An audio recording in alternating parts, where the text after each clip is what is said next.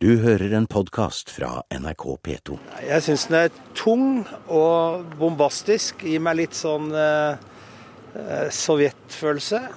Jeg forstår godt symbolikken, altså. Men jeg hadde gjerne sett den fremsatt på en litt annen måte.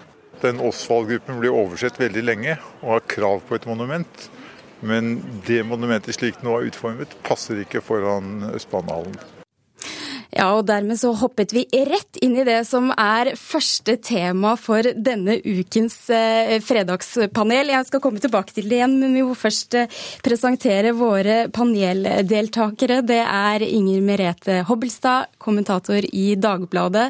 Og så er det Mode Steinkjer, kulturredaktør i Dagsavisen. Og med oss på linje fra Kristiansand så har vi Karen Kristine Blågitstad. Du er kultur- og debattredaktør i Fedrelandsvennen. Velkommen til dere alle tre. Takk for det. Takk, ja. Vi skal eh, starte med eh, debatten om eh, bl.a. Osvald-monumentet. For etter de siste ukenes både et store engasjement for denne statuen, så gikk direktør for kunst i offentlig rom ut i Kulturnytt denne uka og mente at statuer og monumenter bør ikke nødvendigvis få stå på samme plass til evig tid. Så vårt spørsmål er da er det en god idé å ha utløpsdato på monumenter og statuer? Inger Merete Hobbelstad først. Eh, ja. Nei. Og i Kristiansand, Karl-Kristine Ja, da er vi enige i det. Begynn med deg, Inger Merete. Eh, ja, altså jeg tenker at uansett så er det litt uheldig om avgjørelser i sin alminnelighet er helt ugjenkallelige. Altså det tas eh, masse rare, dumme valg og noen kloke valg eh, rundt omkring. Og det hvis man kommer til et, en konklusjon om et monument eller om for den saks skyld et bygg eller annet element av byplanlegging og kommer til at dette her finnes det faktisk mye bedre løsninger, her er det noe som eh, skaper en følelse som kanskje er litt uheldig, som, som på en måte ikke fungerer som det er ment, så er det greit å ha en mulighet til å kunne tenke om igjen. Og jeg syns også det er et godt argument som har vært nevnt i denne debatten.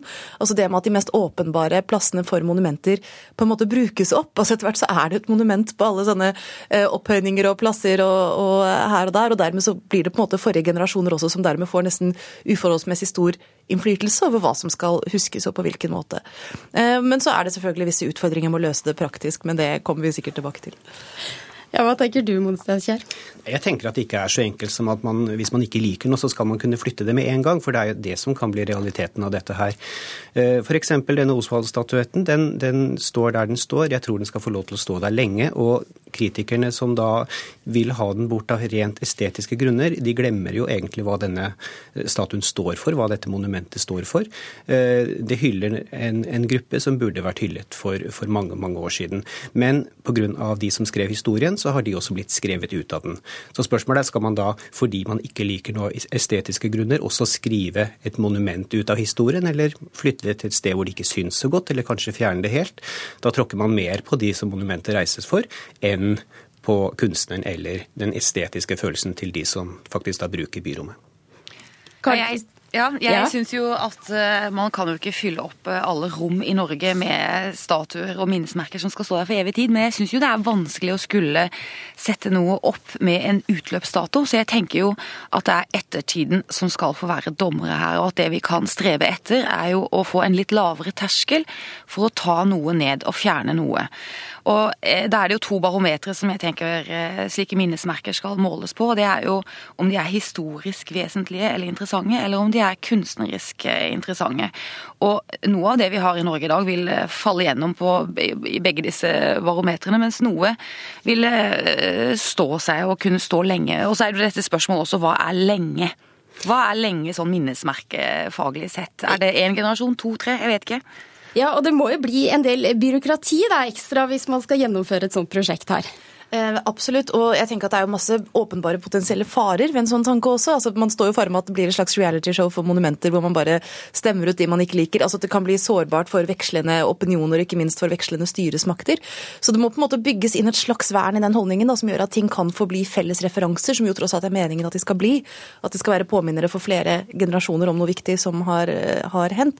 Og hvordan eventuelt slike på en måte, eh, sikkerhetsnett skal bygges inn i det, det vet jeg ikke helt hvordan skal gjøres i praksis. Men det må være med. Vi vil vil jo få masse, masse, masse interessante kunstdiskusjoner og historiske diskusjoner rundt disse monumentene hvis vi begynner å vurdere å ta noen av de ned etter hvert. Og det er jo gøy. Det liker vi. Bodesteiner, du skal få avslutte. Det er jo det, Hvis man ser på hva gatene heter, f.eks. i Oslo eller andre byer som har, eh, har vært en stund i Norge, så, så, er det mange navn der man i historiens lys kanskje burde plukke ned fra veggen.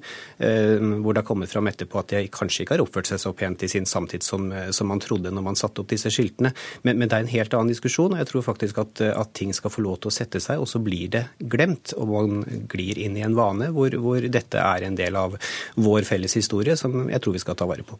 Jeg tror vi skal la det være med det, og så skal vi vandre over til russen, for vi slipper ikke unna de i dette fredagspanelet heller. For etter tekster som 'I kveld er det lov å være hore, vil du være med meg hjem når vi drikkes under bordet', har kritikken haglet mot russens egne konseptlåter. Og enkelte kommentatorer har koblet de grove tekstene opp mot voldtekter på årets russetreff. Er det å gå for langt? Eh, nei, men med et lite forbehold. Bode? Eh, jeg bruker også forbeholdet, men eh, jeg Og hva med Karen Kristine? Ja, Da sier jeg nei uten forbehold. Jeg, jeg syns at dette er altså så drøyt. Jeg er helt rystet langt inn i sjelen. Nå er jeg blitt ordentlig sånn moralsk kjerring har jeg blitt nå etter at jeg har hørt disse låtene her. Og hvorfor tar du forbehold? Eh, fordi jeg tenker at popmusikk har på en måte noe med, Poenget med litt sånn seksuelt eksplisitt popmusikk er jo nettopp at den ikke er virkelighet. Altså Ofte har dette vært en arena der man har øst ut for, forskjellige primale instinkter og aggresjon osv. Massevis av tenåringer som har gjort det gjennom Eminems eh, ganske spesielle tekster eh, til tider. Så sånn sett tenker jeg at man skal på en måte roe seg ned og tenke på det før man kapper huet av disse unge folka som har eh, bestilt det.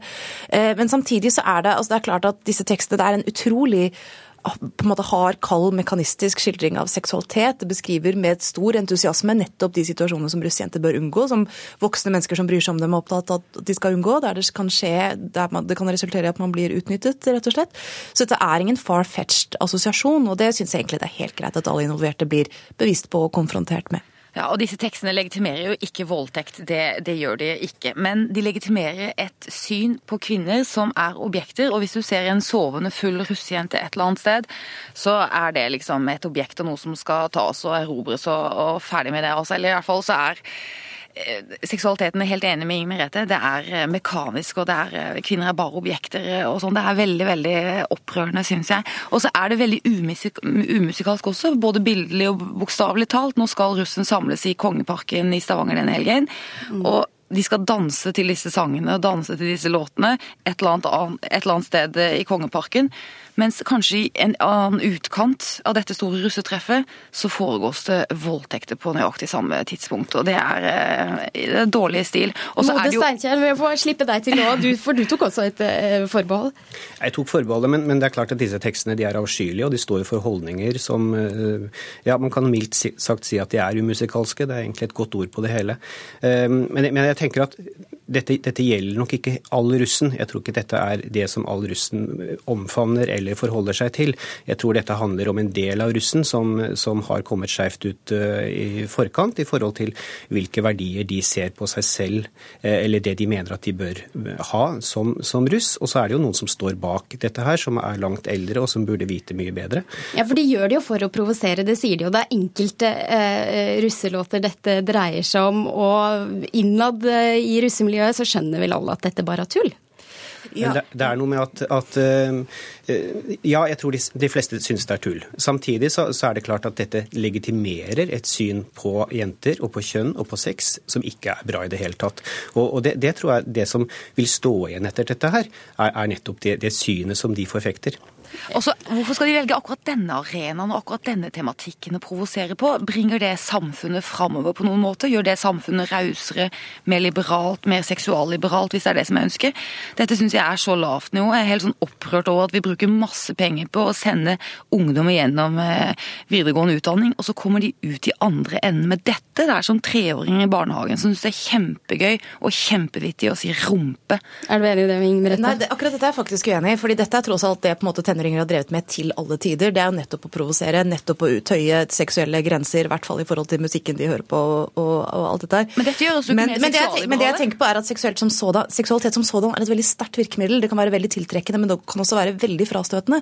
Hvis det er den mest på en måte kaldeste, kjipeste varianten av dom du vil. Og dette bør det være mulig å velge seg ut av, eller si at man reagerer på. Og det tror jeg er vanskelig når man blir tatt av den røde russebølgen.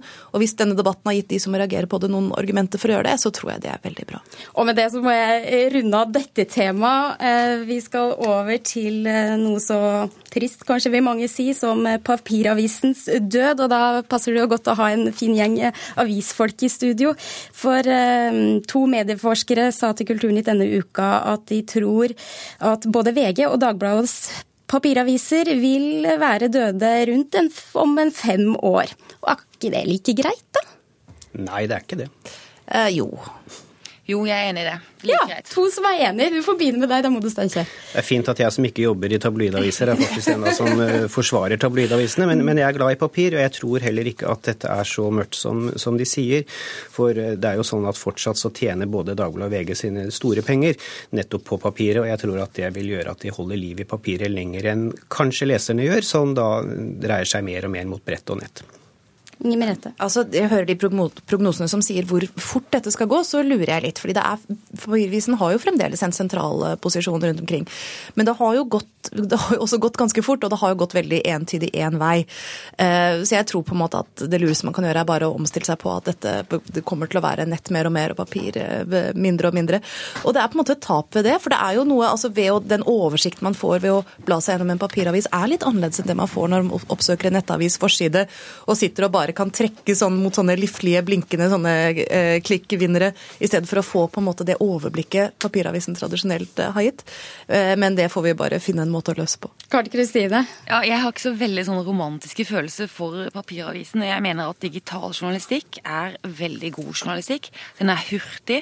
Den kan fort bringe veldig mange kilder til torg, så den kan vise linker til enda flere kilder. Det er helt massivt, og det er utrolig sånn effektivt og godt fortellerverktøy. Så jeg tror at dette Altså, digital journalistikk er ikke lik dårlig journalistikk. Og så er det jo noe med den oversikten og sånn som papiraviser kan gi, og kanskje litt mer sånn dybde og analyse. Eh, og derfor tror jeg også at en del papiraviser og magasiner vil eh, vare.